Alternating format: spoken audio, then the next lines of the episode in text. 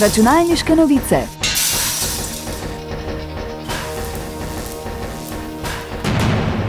Prisluhnite novostim in zanimivostim z področja računalništva.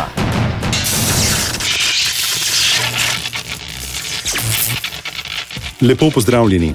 Elon Musk je napovedal, da bo njegova družbena platforma X, prej znana kot Twitter, predstavila dve novi stopni plačljivih naročnin.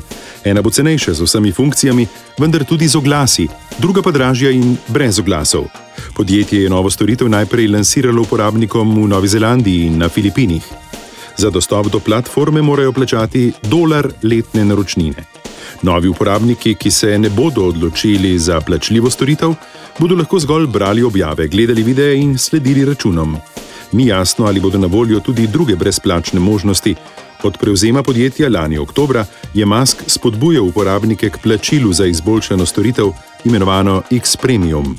Tako nekateri uporabniki zdaj plačujejo 8 dolarjev na mesec za storitev z modro kljukico, kar pomeni, da so uporabniki preverjeni. Računalniške novice. Deepfake posnetki oziroma posnetki, ki imitirajo podobo in glas znanih osebnosti, so obstajali že pred pojavom umetne inteligence v obliki, kot jo poznamo danes. A z razvojem velikih jezikovnih modelov so ti posnetki postali strašljivo realistični. Le vprašanje časa je bilo, kdaj bodo nepridipravi izkoristili to napredno tehnologijo v zle namene. Pred kratkim so s pomočjo podobe znanega ustvarjalca Mr. Bista javnost želeli zavesti z najnovejšimi telefoni iPhone 15. Gledalce so nagovarjali v klik na okuženo povezavo, s katero bi lahko ukradli občutljive podatke. Ob rasti tovrstnih posnetkov so družbene platforme zdaj na udaru uporabnikov, ki zahtevajo boljšo varnost in preventivne ukrepe. Računalniške novice. Nedavna študija ugotavlja, da bi Googlova umetna inteligenca lahko zelo kmalo porabila toliko električne energije, kot je porabijo nekatere države, naprimer Irska, Argentina, Nizozemska ali Švedska. Če bi Google svoje celotno poslovanje z iskanjem prenesel na umetno inteligenco, bi na leto porabil 29,3 teravatnih ur električne energije. Leta 2021 je Google porabil skupno 18,3 teravatnih ur električne energije, pri čemer je umetna inteligenca predstavljala 10 do 15 odstotkov te količine. Predstavljeni scenarij študije predpostavlja, da bi se umetna inteligenca v celoti uporabljala z obstoječo strojno in programsko opremo, kar pa se po vsej verjetnosti ne bo zgodilo v naslednjih nekaj letih. Računalniške novice. Minecraft, ikonična peskovniška videoigra, je dosegla izjemno prelomnico s prodajo več kot 300 milijonov kopij po vsem svetu.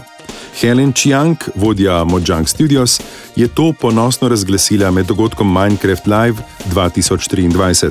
S tem se je Minecraft znašel v elitnem razredu najbolje prodajenih in presega celo najbolje prodajen glasbeni album Thriller in najbolj prodajeno igralno konzolo PlayStation 2. Zanimivo je, da druga najbolje prodajena videoigra Grand Theft Auto 5 zaostaja za več kot 185 milijonov prodanih kopij. Priljubljenost igre Minecraft ne kaže znakov upadanja in še naprej osvaja srca igralcev po vsem svetu. Njena trajna privlačnost in nenehne posodobitve kažejo, da bo vsaj še nekaj časa ohranila svojo prevlado v svetu videoiger. Računalniške novice. Toliko za danes, hvala za pozornost in nasvidenje prihodnič.